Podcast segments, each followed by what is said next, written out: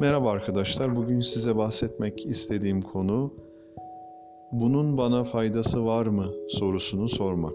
Örneğin herhangi bir işe başlayacaksak, örneğin yemek yiyeceksek şu soruyu sorabiliriz. Şu anda bu yemeğe ihtiyacım var mı?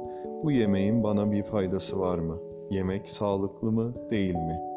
Örneğin cips yiyeceksek şu soruyu sorabiliriz. Bunun bana faydası var mı yoksa zararı var mı?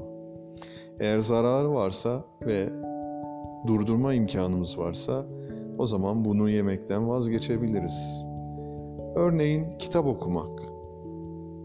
Herhangi bir kitabı okumaya başlayabiliriz ve 5 sayfa 10 sayfa geçtikten sonra şu soruyu sorabiliriz. Bu kitaptan bir şeyler öğrenebiliyor muyum? Bunun bana bir faydası var mı? Veya herhangi bir faaliyet. Diyelim ki yürüme faaliyeti. Yürümenin bana bir faydası var mı?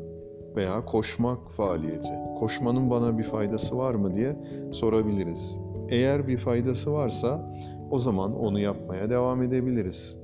Örneğin müzik dinlemek. Müzik dinlemenin bana bir faydası var mı?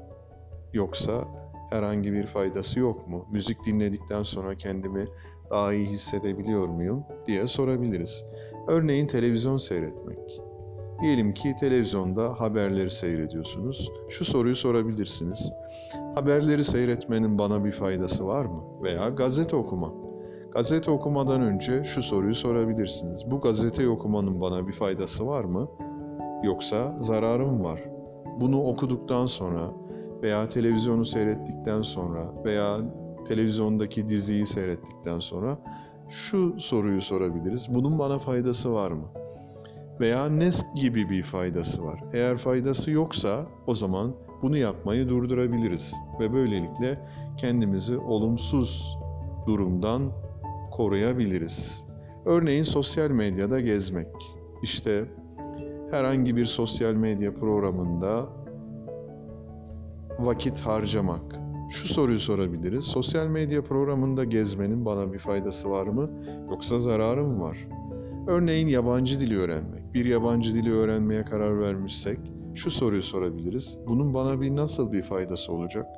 Dolayısıyla herhangi bir işi yapmadan önce bunun bana faydası var mı yoksa zararı mı var şeklinde diye sorduğumuz zaman ve üzerinde düşündüğümüz zaman Ondan sonra o işi yapmaya veya yapmamaya karar vermenin daha doğru olabileceğini söyleyebilirim. Buradaki temel amaç şu şekilde ifade edilebilir.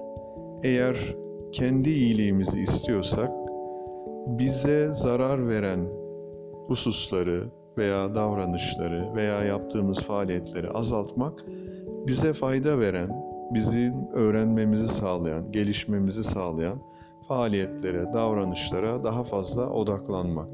Böylelikle kendi iyiliğimiz için çalışmış oluruz.